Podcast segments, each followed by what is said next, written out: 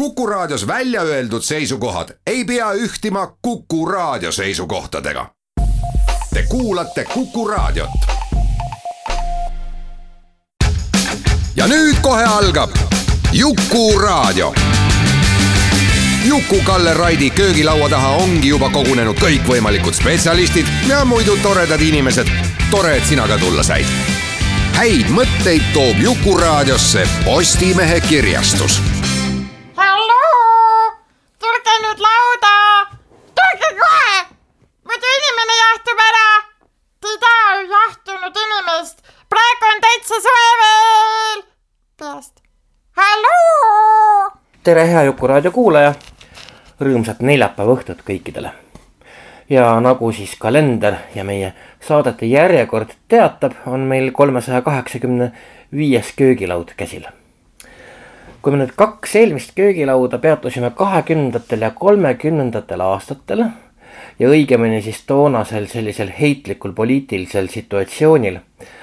veel täpsemalt rääkisime kahekümnendate aastate Eesti põhiseadusest, mis oli justkui ühest küljest ju maailma kõige demokraatlikum ja noh, tõepoolest nii, nii teda ka loeti. ent mis ometi võimaldas seetõttu äärmiselt lühiajalisi valitsusi ja millest siis sigines muidugi ka inimeste rahulolematus. kui valitsuse keskmine eluiga on kuskil seitse-kaheksa kuud, jääb faktiks, et selle valitsuse ajal ega midagi suurt ära ei jõuta teha, vaid kogu aur läheb pigem vile peale, elik siis on juba äh, järgmiste valitsuste moodustamine. mis siis viis omakorda vapside tõusule. Need olid siis kaks eelmist saadet. veel enne aga käis meil külas Toomas Tiivel, kes on teatavasti kõikide kangete napside spetsialist ja me hakkasime just viinakuud elik oktoobrit Toomas Tiiveli saatega tähistama aga nüüd on see viinakuu meil ju möödas, paar päeva tagasi sai oktoober läbi. ja me tuleme tegelikult viinakuu juurde tagasi, sest nüüd on sattunud minu kätte või noh, õigemini minu kätte toodi raamat Raimo Pullati ja Risto Pullati raamat Viinameri, mis räägib salapiirituse veost Läänemerel kahe maailmasõja vahel nagu noh, enamus inimesi teab, kes on ka näinud filmi Tulivesi oli see selline noh, ütleme lõputu, lõputu seikluste äh, folkloori ja lugude rida, mida siis salapiiritusvedu äh, Eesti ja Soome vahel võimaldas, muidugi see oli natukene keerulisem kui ainult Eesti või Soome vahel. me siis räägime täna sellest salapiirituse veost ja jääme ikkagi siis kahekümnendatesse ja kolmekümnendatesse aastatesse, sest jah poliitiliselt ju mitte ainult äh, vapsid ei tõusnud, vaid tegelikult sellesama küllaltki nõrga Eesti ja ka küllaltki nõrga Soome kahekümnendate aastate mm, ütleme selline jah, rannakaitse ja, ja sõjaväeline ülesehitus ja politseiline ülesehitus, rääkimata piirivalvest, võimaldasid siis mingil teatud klanil kõvasti rikastumist see muidugi ei ole ainult ühene, et tegemist oli siis sihukeste kurjategijatega, kes hiilisid kõrvale hirmsasti maksust, vaid kui me käime nüüd mööda läänerannikut, hakkame kusagilt Paldiskist peale, kus need mm, põhilised salapiirituse veokohad olid, no kogu põhjarannik ikka kindlasti. Nõva, äh, Paldiski, siis noh, loomulikult Tallinn ja nüüd, kui me läheme ida poole, siis kõik need imeilusad kohad nagu Karepad ja Valklad ja Käsmud ja ja viinistud ja, ja nii edasi. Need on ju üles ehitatud, need, need ilusad heledate majadega külad, need vinged sellised mõnusad külatänavad. tänapäeval juba taastatud, nõukogude ajal küll ühe, ühegi käest ära lastud, need on ju kõik tegelikult tehtud piirituse, kuningate ja salapiirituse vedamise raha eest on need asjad üles ehitatud. Nii et see on kahetine. piirituse kuningaid oli muidugi ka igasuguseid, oli neid, kes toetasid hea meelega mm, kultuuri. oli neid, kes mm, panustasid oma riiklikusse ärisse, oli väga palju salapiirituskuningaid, kes eh, andsid Tallinnale uut nägu, nii et kui me nüüd näeme kahekümnendate lõpu ja kolmekümnendate aastate Tallinna uut arhitektuuri, siis väga paljud majaomanikud, kinnisvaraarendajad olid oma raha saanud just salapiiritusveo kaudu. mis muidugi ei tähenda, et nad ise oleksid pidanud vedama, et ütleme selliste ükside, üksikute paatkondade aeg salapiiritusveo raames oli ikkagi mm, päris algusaeg, sellepärast lõppkokkuvõttes hakati vedajaid pidama palgal ja neid kange tõmbama hoopis palju mujalt. Kes nüüd sellest teemast on jah huvitatud, siis Raimo Pullati ja Risto Pullati Viinameri, see on kordustrükk, sellepärast eelmine trükk ilmus vast üks kümme aastat tagasi, aga Raimo ja Risto on saanud hästi palju lisaandmeid, mida nad siis sellesse raamatusse on talletanud, nii et ajaloodoktor Raimo Pullati põnevat äh, ja kuritegelikku perioodi Eesti ajaloos, jah, kahekümne, kolmekümnendate aastate salapiiritusveo näol soovitan kindlasti äh, vaadata sealt raamatust. aga me tuleme nüüd äh, mitte ainult siia raamatusse, vaid ka kaasaegsesse ajakirjandusse ja mälestustesse ja vaatame siis seda raamatut ja, ja muid kaasaegseid allikaid sirvides, mismoodi see asi üldse käis no fakt on nüüd see, et, et äh, kuna me juba teame, et äh, päris palju põhjaranniku külasid ja, ja ka päris palju Tallinna olustiku pilti sai muuta tänu salapiiritusveost tekkinud vabale rahale, võib-olla on väga oluline mainida, et kahekümnendate aastate lõpul oli kindlasti eh, tähendab veerand kogu Eestit läbivast rahast või ütleme rahast, mida Eestis saadi kasutada, pärines salapiiritusest. Nii et kui me mõtleme, veerand eelarve on siis üks niisugune asi nagu salapiiritus, siis see annab ikkagi märku, et tegemist oli äh, äärmiselt suuremahulise väga,, väga-väga mahuka äriga. üldiselt me teame, et kui midagi ühiskonnas ära keelatakse, no siis kujuneb alati äh, igas riigis, igal ajal kiht inimesi, kes äh, asuvad seda keeldu rikkuma ja noh, otse muidugi sellepärast, et, et ega kui midagi keelatakse, siis selle keelatud vilja tarbijad ju tahavad seda ju edasi saada. nii et riskialtimad eh, ja võib-olla siis ka eh, inimesed, kes on suutelised midagi panustama finantsi sellesse salakaubandusse, need hakkavad ju öö, eh, kohe paugu pealt tegutsema.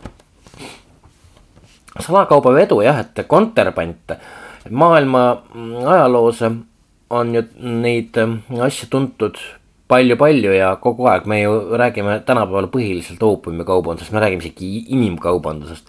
aga no laiemalt muidugi me teame näiteks oopiumi kontrabanti Hiinas äh,. bootleggerite salaalkoholivedu ja müük Ameerika Ühendriikides, Ameerika Ühendriikide keeluseaduse ajal.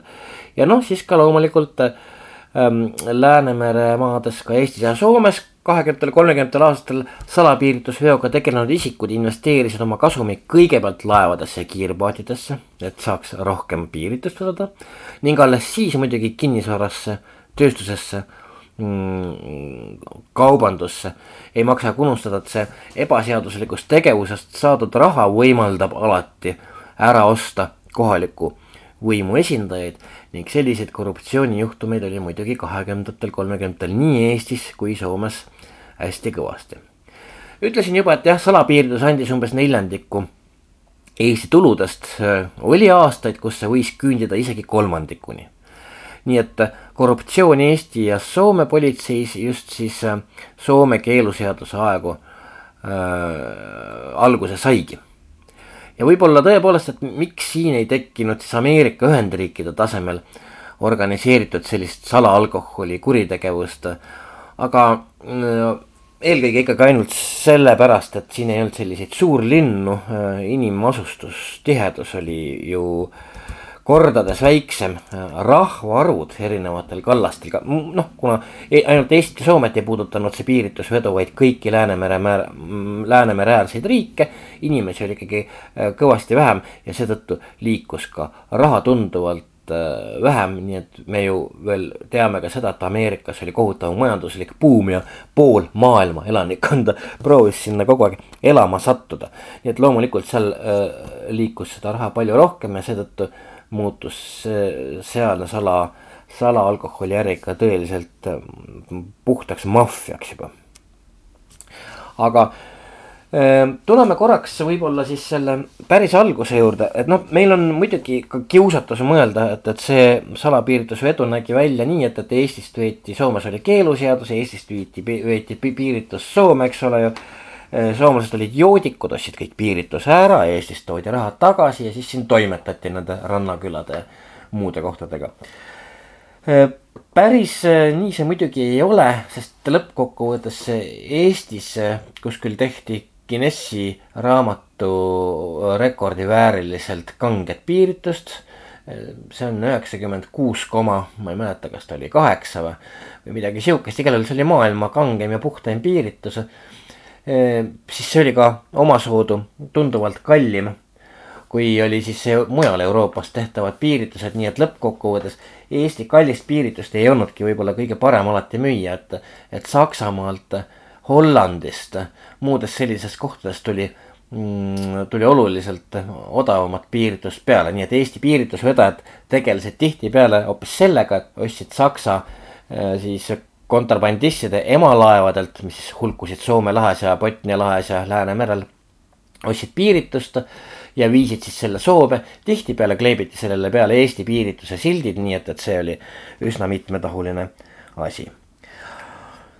Aga mm, kui me võib-olla peaksime peatuma üldse Eestis-Soome kaubasuhete ajaloos, siis no Pullat on osutanud oma raamatus muidugi täitsa õigesti, et, et põhjaranniku mm, ja üldse ranniku elanike vahel on need kaubandussidemed ulatuvad alati väga kaugesse minevikku ja, ja näiteks Pullat räägibki, et juba tuhat kolmsada kakskümmend liikus Soome lõunarannikul Padise kloostri munki, kes olid hankinud maavaldusi Uusimaa, Lääni, lääneosas. nii et äh, selles mõttes äh, igasugune kaubandus on täiesti äh, normaalne olnud äh, rannikute kaupa ja meil oli siin oli muidugi põhiliselt kalakaubandus, no siis meil on ju kirjutatud siin üheksateistkümnendast sajandist, et kuidas siis ikkagi mm, noh, kuidas Eestisse näiteks Villem Alto raamat, Pullati raamatus meenutab, et, et Soomest toodi Eestisse vikateid, et need olid lihtsalt Vene omadest paremad. et noh, et Soome oli küll Venemaa osa, aga siiski seda loeti salakaubaks niimoodi, oma tarbeks toodi Soomest kohvi. et rannas joodi tollal palju kohvi, et isegi vaesed pered jõid oakohvi, kuigi noh, muidugi äh, põhiline, äh, põhiline oli loomulikult sigurikohv. Ja illegaalne kaubandus on ju rannas kõikides randades alati eksisteerinud ja noh, ei ole olemas sellist seadust, mis suudaks seda täielikult tõkestada.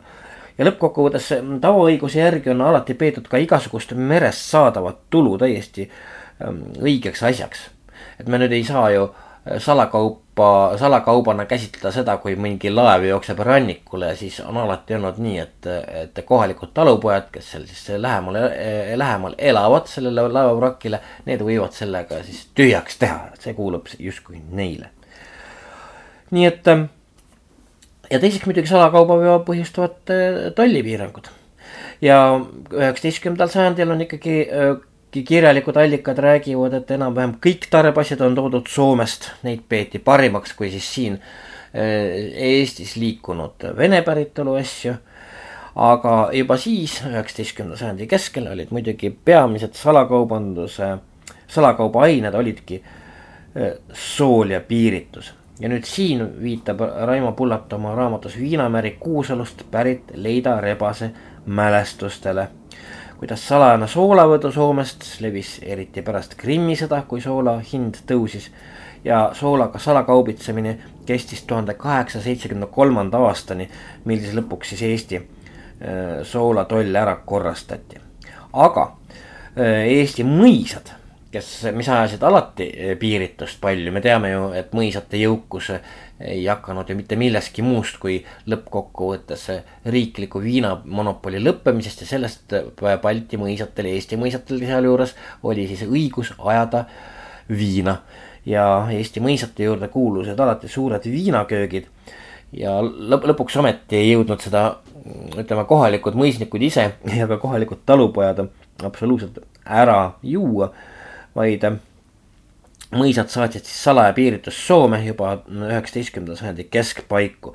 nii et on hinnanguid, et juba tuhat kaheksasada viiskümmend kusagil kolmandik Eesti äh, piiritustoodangust äh, läks Soome.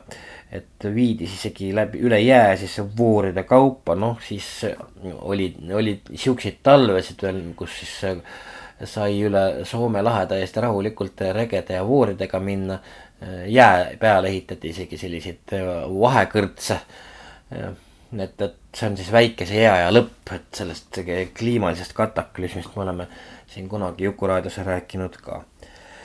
nii et äh, lõppkokkuvõttes on siis see vähemalt äh, kehtinud vähemalt üheksateistkümnenda sajandi keskpaigast on seda piiritust ikkagi Eestist äh,, Eesti mõisatest Soome veetud. nüüd, kui me tuleme tuleme natukene lähemale, räägime hilisemast Eesti alkoholipoliitikast, miks, mis, mis selle võimaldas kõik.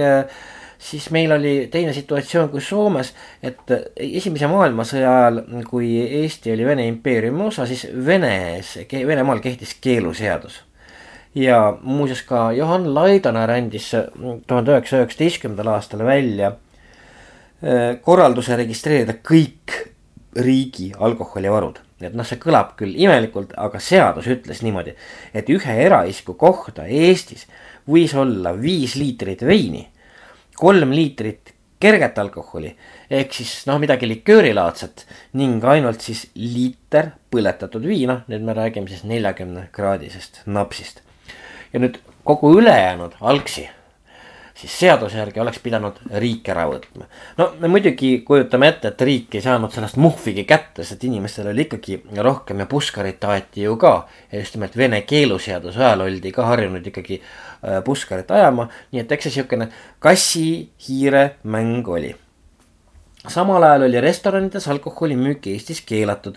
muidugi ei tohtinud klientidel olla oma, omi alkoholi äh,, alkoholi kaasas äh, ja Tallinnas oli viinamonopol ja noh, seda prooviti rangelt jälgida, ehkki ka mitmed kirjalikud allikad, no siin on päris mitmeid raamatuid Tallinna kõrtsidest ja kõrtsi ajaloost olnud, et ega see ikkagi väga hästi või noh, kohati ikkagi ei tulnud ikka üldse väga hästi välja, selles mõttes, et äh, lõppkokkuvõttes äh, müüdi salaviina ka ju täiesti noh, ilmselt igas kõrtsis, nii et sellest kõikidest keeldudest hoolimata aga äh, tuhat üheksasada üheksateist tehti küll huvitava katse Eesti viia enam-vähem siuksele kuivseadusele nagu Soome oli. no Soome kuiva seaduseni me kohe jõuame, sellepärast et see kuivseadus seletab paljutki. miks soomlased muutusid sellisteks imekõrideks, et pool Euroopat äh, sai sinna oma äh, piiritust vedada. nimelt üheksateist, tuhat üheksasada üheksateist korraldati Toompeal nõupidamine kus oli mm, Asutava Kogu, see on siis enne esimest Eesti ähm, valitsust, karsklastest liikmed. no siin muidugi Jaan Tõnisson, kes oli tuntud karsklane, Villem Ernits, no seal oli, äh, seal oli teisigi veel, kes siis kogunesid sinna ja arvasid, et tuleb Eesti Vabariik rikastada sellise põhiseaduse paragrahviga, et keelata kogu Eestis seaduslikult siis igavesest ajast igavesti kõikide üle kaheprotsendilise kangusega alkoholi tootmine, sissevedu ja müük. nii et nemad siis tahtsid seda, et, et kaks protsenti oleks see äh, alkoholi kanguse rida üldse Eesti Vabariigi territooriumil. see muidugi läbi ei läinud ja lõppkokkuvõttes äh, piiritust ikkagi hakati tootma, tõesti, algul oli sellel äh, kõvasti järelevalvet, ütleme siis kahekümnendast kahekümne kuuenda aastani toimus see tõepoolest nii-öelda nagu noh, toona öeldi kroonu kulli valvuse pilgu all. aga tuhande üheksasaja kahekümne kuuendal aastal lasti siis igasugune alkohol eh, Eestis vabamüüki. mis siis omakorda ka tähendas seda, et noh, et ehkki sala, salakaubana oli piiritust veetud juba ka enne, siis nüüd läks see ju kõikidele veel palju lihtsamaks. Ja nüüd, kui me tuleme tagasi veel sinna kahekümnendate alguse juurde korraks, et et jah, et, et salakauban, salakaubana veeti seda piiritust, mida siis väga valusalt ja väga kindlates kogustes toodeti. veeti ikkagi Soome ja tihtipeale, no siin on nüüd neid korruptsioonijuhtumeid kümneid, kui mitte sadu. kus siis kas sõjaministeeriumist, majandusministeeriumist või pagan teab veel, mis ministeeriumitest siis ikkagi mingi teatud käskkirja või paberiga ähm, liigub üks või teine laev kenakesti Soome poole, nii et, et need salapiirituse veo, no ütleme, need eriload. Need ulatusid siis hästi mitmete valitsuste väga kõrgete ametnikene, ametnikeni, kes siis sealt loomulikult äh, oma osa teenisid. no vaatame, äkki me jõuame äh, nende korruptsiooninäideteni tagasi aga kõigepealt peaks peatuma korraks Soome keeluseadusel, sest see võib-olla seletab palju rohkem, et miks, mismoodi see kõik üldse võimalikuks sai, see meie üles ehitatud põhjarannik ja ka, ja ka oma ilmet parandanud piirituse rahas parandanud Tallinn. ja lõpuks tahaks ju jõuda ka veel nende asjadeni, mida me nimetame piirituse sõdadeks ja piirituse kuningate äh, selliseks värvikirevaks eluks, et noh, Hardi Volmer on teinud filmi Tulivesi, aga noh, neid, äh, neid juhtumeid on no tõepoolest nagu kõige paremas seiklusfilmis ja täiesti, täiesti registreeritud igasugustes arhiivides. aga Soome keeluseadus jah, et me peame teadma ühte asja, et üheksateistkümnenda sajandi esimesel poolel, see on siis, kui Soome äh, sai, ütleme siis teatud määral Vene keisririigist rippumatuse elik autonoomia tuhat kaheksasada üheksa. sellel ajal äh, oli üheksateistkümnenda sajandi esimesel poolel oli Soome eh, Euroopas suurim alkoholitarbija. Ja noh, eks seda on uuritud ja Soome enda alkoholipoliitika uurijad, nemad arvavad, et soomlaste rohke joomise üks peapõhjus oli raske ajalugu. noh, ei kujuta nüüd ette, et siin mm, Soome lahes, kas nüüd Balti riikidel või, või sunnismaistel venelastel või karjalastel oli siis ajalugu kuidagi kergem, ei ajab natukene muigama, et, et eks ajalugu on siin kõikidel raske olnud. aga fakt on see, et teadaolevatel andmetel jäid soomlased pers nägu, elik siis perjanune kõri Euroopas äh, äh, siin lõunapoolsematest riikidest ja Kesk-Euroopa riikidest ikkagi üle kahe kuni kolm korda rohkem puhast kanget äh, alkoholi, kui see ekvivalent siis arvutada kangeks alkoholiks ümber, nii et soomlased olid juba siis sellised elukutselised kõrid, nagu meiegi oleme neid ju äh, osasid neist oleme siin Tallinnaski näinud siiani viina järgi käimas. ent peab mainima, et, et ähm, see pendel liikus nüüd mõne, mõnede kümnete aastatega ikka täiesti korralikult teise äärmusesse. see oli energiline karskustöö ja siis tuli koduviina valmistamise absoluutne keeld tuhat kaheksasada kuuskümmend kuus. muutus lõpuks Soome üheksateistkümnenda sajandi äh, no ütleme viimaseks kaheksakümnendiks ikkagi Euroopa kõige karskemaks maaks. Et üheksateistkümnendal sajandi lõpus oli Soomes ka niinimetatud äh, kohalik keeluõigus, et äh, Soome maal suleti kõik alkoholi müügikohad ja linnades oli siis viina müügil äh, seatud sisse erisüsteem et lõppkokkuvõttes ainult mingi väga erakordse arsti tähega võisid siis viina saada ja maal ei saanud sa seda ikkagi üldse. et siin oli siis see segment ka, et, et maainimest ikkagi peeti päris napakaks, et sellele ei saanud viina isegi kaugelt näidata, siis linnas seda veidikene ikkagi liikus. aga ei olnud ja muidugi võimalik ja lootust kõiki inimesi alkoholi pruukimisest ümber hoida. nii et, et lõppkokkuvõttes me võime öelda, et kui me nüüd vaatame Soome ajakirjandust korraks, siis kahekümnenda sajandi alguseks kui meeleolud olid revolutsioonilised ja, ja inimesed jah, et, et ei, ei, viitsinud enam võib-olla nii seaduskuulekad olla ja ja, ja lõppkokkuvõttes igasuguseid mässajaid liikus ka ringi kogu Vene impeeriumi, kaasa arvatud Soome lähistel, me isegi teame, et Vene revolutsionäärid viisid, käisid Soomes nii-öelda ennast varjamas ja eks nad viisid sinna igasuguseid kombeid ka. Nii et lõppkokkuvõttes me võime öelda, et, et see oli üks, üks keeruline aeg, aga Soome nüüd kehtestas absoluutse täieliku äh, keeluseaduse tuhat üheksasada seitse ja ja siis tuhat üheksasada kakskümmend kaks seda keeluseadust veel karmistati. Karmistati salaveo puhul neid karistusi, karistused läksid järjest rangemaks ja lõppkokkuvõttes Soome oli siis. Soome oli siis lõpuks ikkagi jah, ütleme siis see nurgake siin Läänemeres, kus me võime öelda, et viin oli laias laastus absoluutselt keelatud aga samas äh, ütleb Soome ajakirjandus, et see keeluseadus läks Soomele väga kalliks maksma, et rannavalve finantseerimine ja. ja kõik muud äh, finantseerimised, me räägime kolmkümmend miljonit marka, kolmkümmend miljonit Soome marka aastas.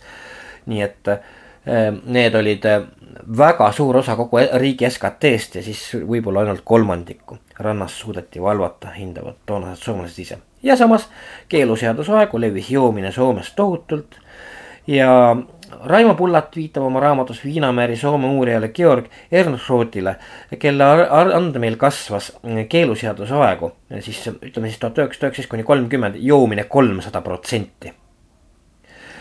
Kolmekümne esimese aasta Päevalehe kohaselt tarbiti Soomes ligikaudu kaheksa miljonit liitrit puhast piiritust aastas soomlasi oli kuskil kaks miljonit inimest, nii et eh, neli liitrit kindlasti näkku. jõid haritlaskond, jõid õigusemõistjad, jõid politsei, jõid nimismehedelik politsei, jõid rikkad ja jõid vaesed. Ja uurija Ernroth lõpetab, isegi paljud naised ja lapsed mürgitasid ennast piiritusega ja suurenes kuritegevus. me teeme väikese pausi ja siis jälgime, mismoodi siis see piirituse vedu Eestist, Eesti ja Soome vahel toimus ja kust siis Eesti piirituse vedajad peale siis meie oma kodumaise piirituse veel piiritust said, jah, me siin enne rääkisime, et siin olid Saksa ja Holland ja nii edasi, aga piiritust tuli ka kõige kaugemalt. Kohe oleme tagasi. Te olete Kuku raadio lainel ja kuulate Jukuraadiot. häid mõtteid toob Jukuraadiosse Postimehe kirjastus. jätkame siis Jukuraadio kolmesaja kaheksakümne viiendat saadet ja meie tänaseks teemaks on, kuna me mõtleme ju äsja lõppenud viinakuule elik oktoobrile, on salapiirituse vedu Läänemerel kahekümnendatel, kolmekümnendatel aastatel. Ja noh, põhilise tõuke selleks andis Raimo Pullati raamat Viinameri äh, kordustrükk, mis siis räägib kogu selle anatoomia lahti, alates keeluseaduste tekkimisest Soomes ja kuidas see kõik Eestis oli ja lõpetades siis selleni, milleni see viis. kes esimest plokki kuulas, teab, et me peame rõhutama ühte asja, et ehkki tegemist oli muidugi kontrabanda ja ja noh, ütleme ikkagi avalikkuse mõttes või õiguslikkuse mõttes absoluutse kuritegevusega, siis sellel kuritegevusel oli ka selliseid tagajärgi, mida me täna kõik naudime nimelt, kui me vaatame põhjaranniku jah, neid väikekülasid, neid ilusaid külasid, Viinistud, Käsmuts, mis on ja nii edasi ja nii edasi, mis on ju kõik tegelikult piirituse kuningate raha eest ja salapiirituse raha eest üles ehitatud. vähe sellest, paljud piirituse kuningad äh, panustasid ka Eesti tööstusesse, no väliskaubandusse loomulikult äh, loomulikult linnaarhitektuuri. Tallinnas on alles õige palju piirituse kuningate kas tellimusel, toetusel või muud moodi seotusel ehitatud maju, mis just ehitati kolmekümnendal, kui Tallinnat hakati ehitama modernseks. no me võime siin tuua selle Narva maantee ja Gonsiori äh, tänava piirkonna, kindlasti ka Pärnu maantee piirkonna, kuhu siis ehitati uusi maju ja päris sageli oli, oli seal siis sees Äh, salapiiritusvedajate raha. nii et see võib-olla kõik ei ole nii üheülbaline, kui, kui ta algul paistab. ja lõppkokkuvõttes jah, et nagu me esimeses plokis ütlesime, et eks iga jõud põhjustab vastujõu. et pole olemas olnud maailmas keeluseadust, millele poleks vastu hakatud võitlema ja niisugust keeluseadust ei ole ammugi olemas, kus siis nutikad inimesed mingeid auke ei leiaks ning jah, võib-olla kurikuulsam tõepoolest on Ameerika näide, me ju teame, ähm, mil moel see aitas ikkagi väga verisele võitlusele ja maffia tekkele kaasa, see üks loll liigutus, et naps ära keelata ja lõppkokkuvõttes USA oli hädas aastakümneid pärast nende kuritegelike kartellidega, keda siis noh, justkui ise omast lollusest ja napaka seadusega tekitati ja eks meie teame Eestiski siin salaviina lugusid ja salasigarettide lugusid, nii et lõppkokkuvõttes, kui keelamisega minnakse üle piiri, siis leitakse kindlasti sellele asjale vastumürk ja loomulikult nii juhtus ju ka siis kahekümnendatel ja kolmekümnendatel aastatel. nii et lõppkokkuvõttes Äh, salapiirituse edu ei, äh, lõpuks ta oli nagu niivõrd folkloori osa, et kogu põhjarannik, näiteks kui me läheme Käsmu ranna, äh, rannamuuseumisse, Käsmu muuseumisse või ka siin Viimsisse rannarahva muuseumisse, siis seda salapiiritusfolkloori on kogutud päris palju. Ja noh muidugi kuni anekdootideni välja, alates siis tegelikult tõesti sündinud lugudest ja ongi üks võib-olla loeks kuulajale ette ühe soomlaste anekdoodi, no mis puudutas siis salapiiritust, Eestist tulnud salapiiritust. kuidas Soome ehitusmeister Küla Tuomola, need Küla Tuomola hakkas Prantsusmaale sõitma Pariisi ehitusnäitusele. ja kolleegist ehitusmeister Lamminen küsis temalt, et aga Pariisi lähed või, kas sa võtad naise ka Prantsusmaale kaasa? aga küla, küla Tuomola vastas talle, kuule, kas sina võtad viina kaasa, kui lähed Eestisse?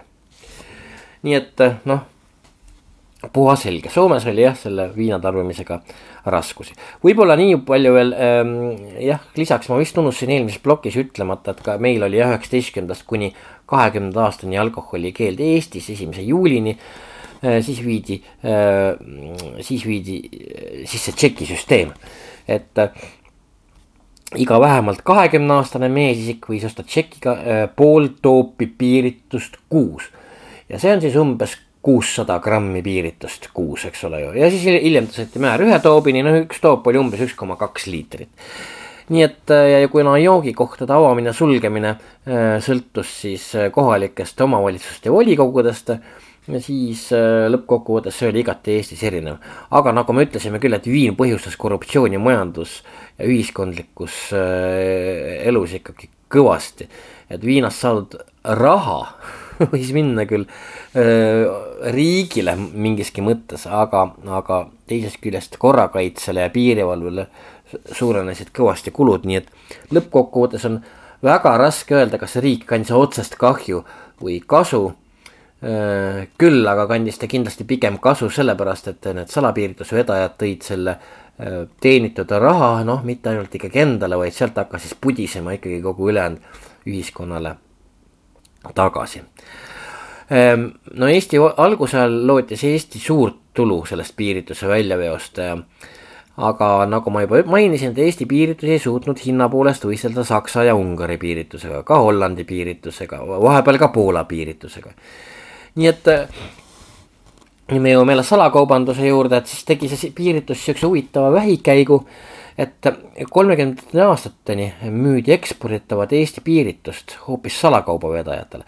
pange nüüd tähele, kaheksakümmend viis protsenti Eestis toodetavast piiritusest no kui sa müüsid välja, siis ei võtnud Eesti riik sult aktsiisi, eks ole, nimelt, et sa said siis selle odavamalt kätte. ja see oli siis nagu eh, need, mm, need juhtmed läksid tõepoolest Eesti valitsustesse, et kaheksakümmend viis protsenti siin toodetavast piiritusest müüdi salakaubavedajatele. kes seda smuugeldasid siis Soome, Rootsi, aga mis kõige huvitavam, et seda smuugeldati ka tagasi Eestisse. sest kuna aktsiisi ei olnud makstud, siis saadi see salakaubana ikkagi eh, päris korraliku kasumiga maha müüa. nii et selle nähtuse ulatusest võib äh, rääkida isegi see, et tuhat üheksasada kahekümne, tuhande üheksasaja kahekümne kolmandal äh, aastal võeti Eestis ära äh, või noh, saadi Eestis kätte nelisada kümme tuhat liitrit piiritust ja see on siis muuseas kaheksakümmend üks koma kolm Soomes samal aastal ära võetud salapiirituse mahust, see on siis, mis Eesti, millega Eesti vahel jäi. nii et tegelikult palju siis seda lõppkokkuvõttes laia ilma läks, seda muidugi ei tea niikuinii mitte mitte keegi pagan. nüüd, kui kohalikud ähm, ajalehed siin Eestis ju tsiteerivad ka piirituse kuningaid ja, ja lõppkokkuvõttes on ka see, et, et kui ka mm, mõned piirituse vedajad kinni makstakse, siis ulatub raha ka ajakirjandusse ning ütleme, ajakirjandus üritab tihtipeale neid puhtaks pesta või näidata neid teises valguses.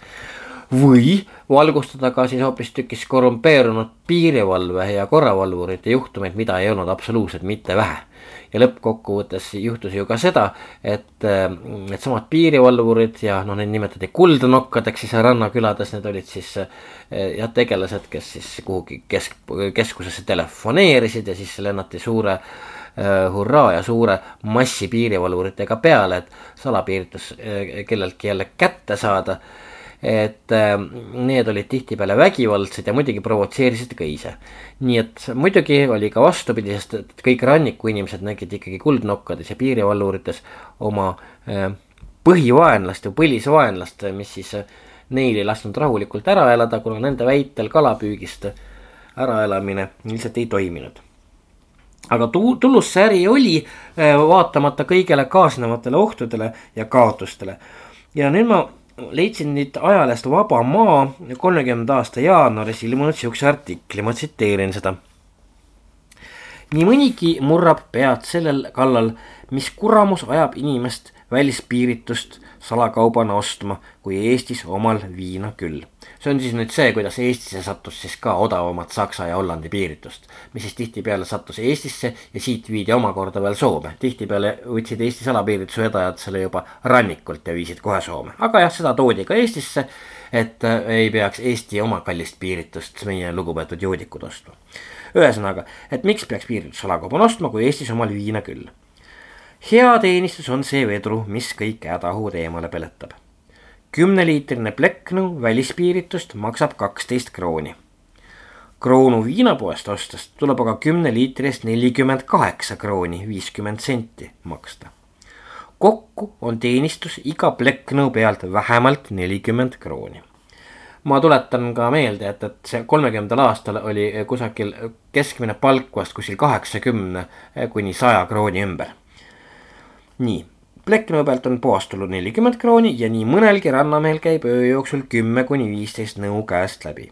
viissada krooni ööga. viissada krooni ööga teenida on sama raha, mille kallal teine mees vähemalt neli kuud higistab nii et nii see oligi ja tõesti, kuigi see rannamees teenis oma viissada krooni elik siis teise inimese nelja kuu palk vast võib-olla mõned korrad kuus, isegi kui ainult üks kord kuus tasus see ometigi äh, riski ära, selle asemel, et kusagil kaheksa tundi ametis viibida või äri ajada, on see ju oluliselt lihtsam proovida, et noh, äkki seekord vahele ei jää. Ehm, Eestis oli jah, äh, Viinamere üks pealinnu oli Viinistu kaluriküla päris pea poolsaarel, no täna me tunneme seda hoopis teise kohana me tunneme seda Manitski kasutatud kunstimuuseumi ja teatrietenduste kohana. aga lõppkokkuvõttes, kuna ta on üks Eesti mandri põhjapoolsemaid äh, külasid ja, ja siis poolsaare tipust Purekari neemest jääb Viinist ainult paar kilomeetrit lõuna poole ja asub seljandikul, mis siis lõpuks ulatub kogu poolsaare idarannikule välja ja lõppkokkuvõttes see on äh, ka geograafiliselt oli siis Viinistu kujunemine selliseks, äh, selliseks salapiirituse pealinnaks täiesti äh, no geograafiliselt ikka täiesti noh, ütleme vältimatu.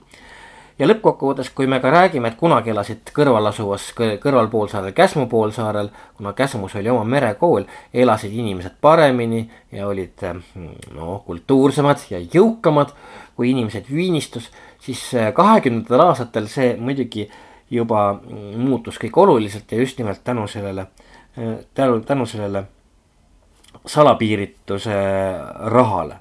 nimelt siis kuna Eesti rannakülad olid alati segarahvastikuga, siin elas ka soomlasi ja rootslasi, eks ole ju, kes olid ka siia Soome kaudu sattunud, siis on ju selge pilt, et, et nad tundsid kohalikku merd väga hästi, nad tundsid kohalikke teisel kaldal väga hästi ning mis lõppkokkuvõttes andis neile palgatud piirivalve ees ikkagi päris kõva e eelise Pullat on kirjutanud seal nendest samadest kohalikest just Viinistu inimestest, seal oma raamatus Viinamerimaa nüüd, eh, tema tsiteerib seal Edgar Lillheina meenutusi, mm, kuidas mõnel vanal randlasel olnud niisugune instinkt, et määranud ka kõige paksema uduga kompassita ilmakaared ära. Olid ka mõned kombed, mida sõitu alustades arvestati, näiteks ei mindud reedel teele. pidi vaatama, et mingisugune pihlakas teise paati ei satuks, siis pidi tormi saama. ja nii edasi ja edasi. nii et lõppkokkuvõttes Viinistu lastel olid Soomes eelkõige väga tihedad sidemed ja mis muidugi siis jah, aitas seda salapiiritust vedada, aga äh, tore on ka see, et Viinistu küla just nimelt tänu nendele samadele salapiiritusvedajatele oli üks vähestest Eesti küladest. Ma nüüd ei teagi, kas tegelikult on äh, ühtegi teist veel sellest ajast näidet tuuagi, kus ilmus äh, oma ajalehte. nimelt siis äh, oma ajalehte, mida tegid siis kohalikud kaupmehed ja loomulikult siis salapiirituse rahaga. ega seda nüüd väga palju ei ilmunud, seda lehte, aga tähtis ju, et ta ikkagi ilmus, ma arvan, et kusagil kuus-seitse numbrit vast kokku ja, ja küllaltki äh,, küllaltki ütleme, mitte kindla sagedusega, vaid küllaltki suvaliselt. Ähm, kui nüüd põhjaranniku tegelases rääkida, siis ja me rääkisime kuldnokkadest, siis loomulikult mm, tihtipeale kohalikud tõusid piirivalve peale vastu üles, no nimelt, et kuldnokkadele elik siis piirivalve käsilastele ei antud öömaja, neile ei antud elukortereid, noh neid üritati igati siis rannaküladest eemal hoida. ja ei olnud haruldane see ka, et kui mingi peremees siis kuldnokkadele öömaja andis, noh neil oli jälle riigi poolt selleks ette nähtud raha, ilmselt, mis siis oli oluliselt mm, suurem kui ütleme, tavaüür, kui sa kellelegi mingi toakese välja üürisid.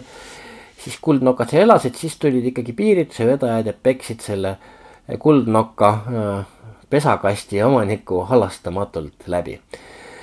lõppkokkuvõttes äh, tulistamised olid küllaltki igakuised, igapäevased, nii et äh, kui me mõtleme ka noh, ütleme taas iseseisvunud Eestil üheksakümnendatest, siis kui nüüd süüvida toonasesse kolmekümnendate, kahekümnendate lõpu ajakirjandusse, siis sellist klattimist võimuesindajate, äh, mafioosnikute või kurjategijate vahel ei ole meil kindlasti olnud ka isegi üheksakümnendate algul, kohe täitsa raudselt mitte.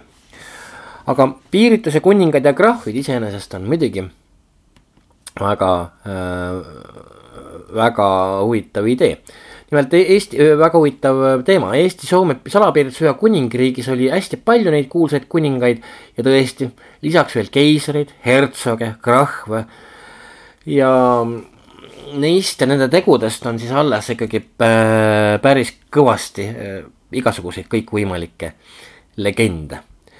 Ludwig Anteplan väidab, et tuhande üheksasaja kolmekümnendate aastate keskel ühinesid siis Eesti piirituse emalaevade peremehed ja nende kompaniid selliseks ühiseks trustiks. et ilmselt nad ikkagi olid jõudnud veendumusele, et ühenduses on jõud ja äh, ja pole mõtet võib-olla üksi Läänemerel sekeldada, sellepärast et eks iga aastaga muutus ka piirivalve võimsamaks ja seetõttu salapiiritusvedajad pidid iga aasta panustama mm, uut raha järjest kiirematesse äh, paatidesse, järjest äh, kavalamatesse meetoditesse, kuidas see piiritus üle saada, nii et, et sellise, selles mõttes oli selline tehniline võidujooks. aga tõepoolest, kuni lõpuni jäid ka alles ikkagi üksikud paatkonnad, kes siis tegid selliseid noh, pigem juhureise äh, piiritusega, kui siis, kui siis mingit süstemaatilist ülevedu. aga trustiks igal juhul kujuneti ja trusti juhiks, me räägime siis jah, kolmekümnendate aastate keskpaigast äh, valiti siis Viiburis sündinud meremees ja no juba vana salapiiritusvedaja Arnold Eerik.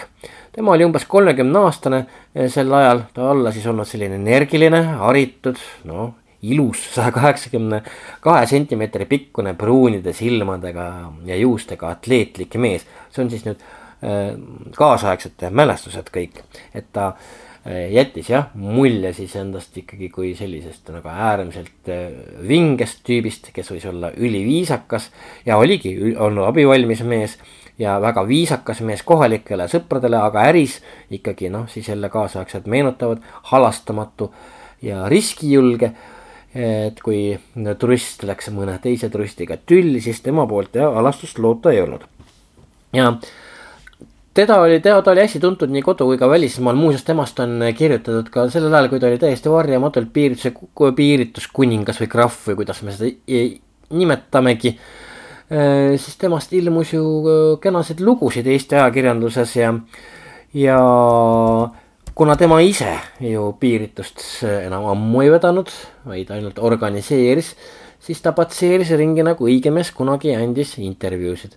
ja peale selle oli tal väga häid sidemeid nii välismaa kui ka kodumaiste kõrgete riigimeeste seas. nii et need niidid ulatusid ikkagi jah, Eestis valitsuseni välja. ja Trustil oli olnud siis kolmkümmend kuni nelikümmend osakust, osanikku Tallinnas ja vähemalt üksteist laeva nii et ja noh, kontor asus Viinistul, seal oli raamatupidaja, sidemees, dešifreeris raadiogrammid, nii et pidev sõjaseisukord ikkagi, raadiogrammid tuleb dešifreerida. et äh, sihukene elu siis ja noh, mõnikord käidi Soomi, Soomes, siis toodi Helsingist raadiotelefon äh, ja siis viidi tagasi ja piirivalvet üldiselt üritati ikkagi kogu aeg segadusse ajada. nüüd teine sihukene äh, piirituse kuningas on Kolga krahv Eduard Grönström, kes oli pärit Kolga aablast Kalda talust ja tema nüüd ei olnud väga intelligentne ja haritud eelnevalt siis äh, eri, erinevalt siis meil sellest Ludwig äh, või vabandust, erinevalt Arnold Eerikust. vaid äh, jah, kolme mm,, kolme klassi haridusega tüüpe ja lõppkokkuvõttes äh, ta oli äh, väga paljude laevade ja majade omanik Tallinnas ka ja kokkuhoidliku ja hea mäluga mehena loobus ta ikkagi vala, varakult salakaubaketis vahelüliks olemisest ning hakkas ikkagi ise tulivett üles ostma. ja lõppkokkuvõttes ta, tema tõi siis jah, piiritust Euroopast. sai surma kahekümne kolmandal juulil Viljandis autoõnnetusena tal olevat olnud autos suurem summa raha, noh, seda nüüd kirjutab ehm, juba Mulgimaa ajakirjandus tuhat üheksasada kolmkümmend kaks, mis olevat tuule käes laiali lennanud ja siis lapsed, kohalikud lapsed olevat siis seda korjanud igal juhul. tema oli ka sihukene lugupeetud piirituse kuningas ka, et noh, niisugune avalik saladus. et tema surmakuulutus ilmus koguni siis Päevalehe esiküljel, no mis on siis üleriiklik leht, mis annab ikkagi mastaabist mingit aimu ja Piiritsa kuninga matusel oli olnud siis kõik ümberkaudsete külade elanikud, leinarongis mitusada inimest ja, ja, ja nii, ja nii edasi ja nii edasi. et Tallinnast olnud tulnud hüvasti jätma nelikümmend inimest kahe autobussiga ja, ja Grönströmi vara hinnati enam kui äh, nelja miljoni kroonini, mis on äh, toonases väärtuses jah, kui me nüüd rääkisime saja kroonisest kuupalgast, see on siis tuhande kahesaja kroonisest aastasissetulekust. ütleme siis äh, niisuguse noh, ütleme paremapalgalise inimese puhul, siis see neli miljonit äh, krooni äh, on päris karm, kusjuures kogu vara ei olnud veel tema nimel ka, vaid jah, ta oli jõudnud ka muuseas tegeleda heategevuse huvitaval kombel. ja osa vara muidugi sugulastele ja sõpradele mm, pärandas tema surma. nüüd võib-olla veel äh, salakaubavedajate äh, vastupanust piirivalvuriteni, no üks äh, lahing kahekümne kuuendal augustil tuhat üheksasada kakskümmend neli toimus Loksa ja Kasispea vahelisel metsateel ja sellest kirjutab ajaleht Vaba Maa, tsiteerin. kui piiritusvedajaid kinni peeti, kinnipidamise ajal oli metsas täitsa pime. hobuseid peatades avasid salakaubavedajad piirivalve peale tule ise metsa joostes. Et tabatud piirituse koormaid kordonisse toimetada, hakkas valvur hobuseid ühes koormatega ümber pöörama, kusjuures salakaubavedajad julgust võttes uuesti tuld avades peale tormasid.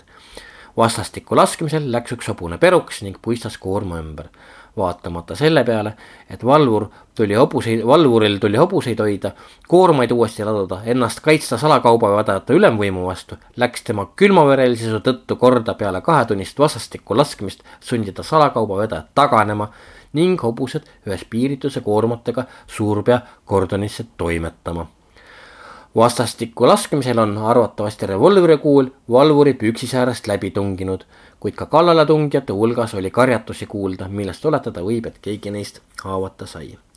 aga tegelikult oli muidugi nii, et äh, hukkunuid oli palju nii piirivalvurite kui salapiirituse vedajate poolel ja intsidente oli ikkagi korduvalt ja igal nädalal ning lõppkokkuvõttes need ei kippunud mingil ajavahemikul isegi enam väga uudise künnist ületama nii et piirivalvurite ründamisel lasid salakaubavedajad muidugi mitmekesise arsenali käiku, neile rusikad ja lõpetades tulirelvadega. ja enamasti muidugi jäid kannatajaks salakaubavedajad ise, paljud kaotasid elu piirivalvurid olid kallaletungideks rohkem ette äh, valmistatud, nende relva käsitlemise oskus oli paremal tasemel, nad olid ikkagi välja õppinud. aga piirivalvurid said jah kannatada siis, kui nad olid üksinda ja, ja ründajad rohkem, sest et äh, üksinda loomulikult neid ju teati ja lõppkokkuvõttes neid nutiti ükshaaval maha ka. Nii et võib väita, et kriminogeenne situatsioon selle keelu, keeluseaduse ajal oli oluliselt keerulisem kui üheksakümnendatel aastatel taasiseseisvunud Eesti algusaegadel. Aga me täna lõpetame selle saate ja mõtleme siis, mm, kui mitmepalgeline võib olla üks kontrabanda.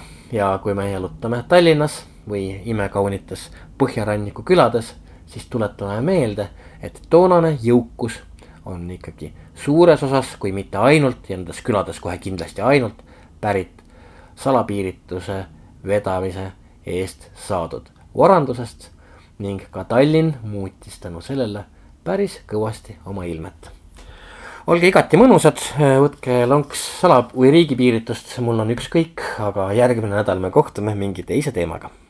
halloo, tulge nüüd lauda, tulge kohe, muidu inimene jahtub ära. Te ei taha ju jahtunud inimest, praegu on täitsa soe veel. peast, halloo. häid mõtteid toob Jukuraadiosse Postimehe kirjastus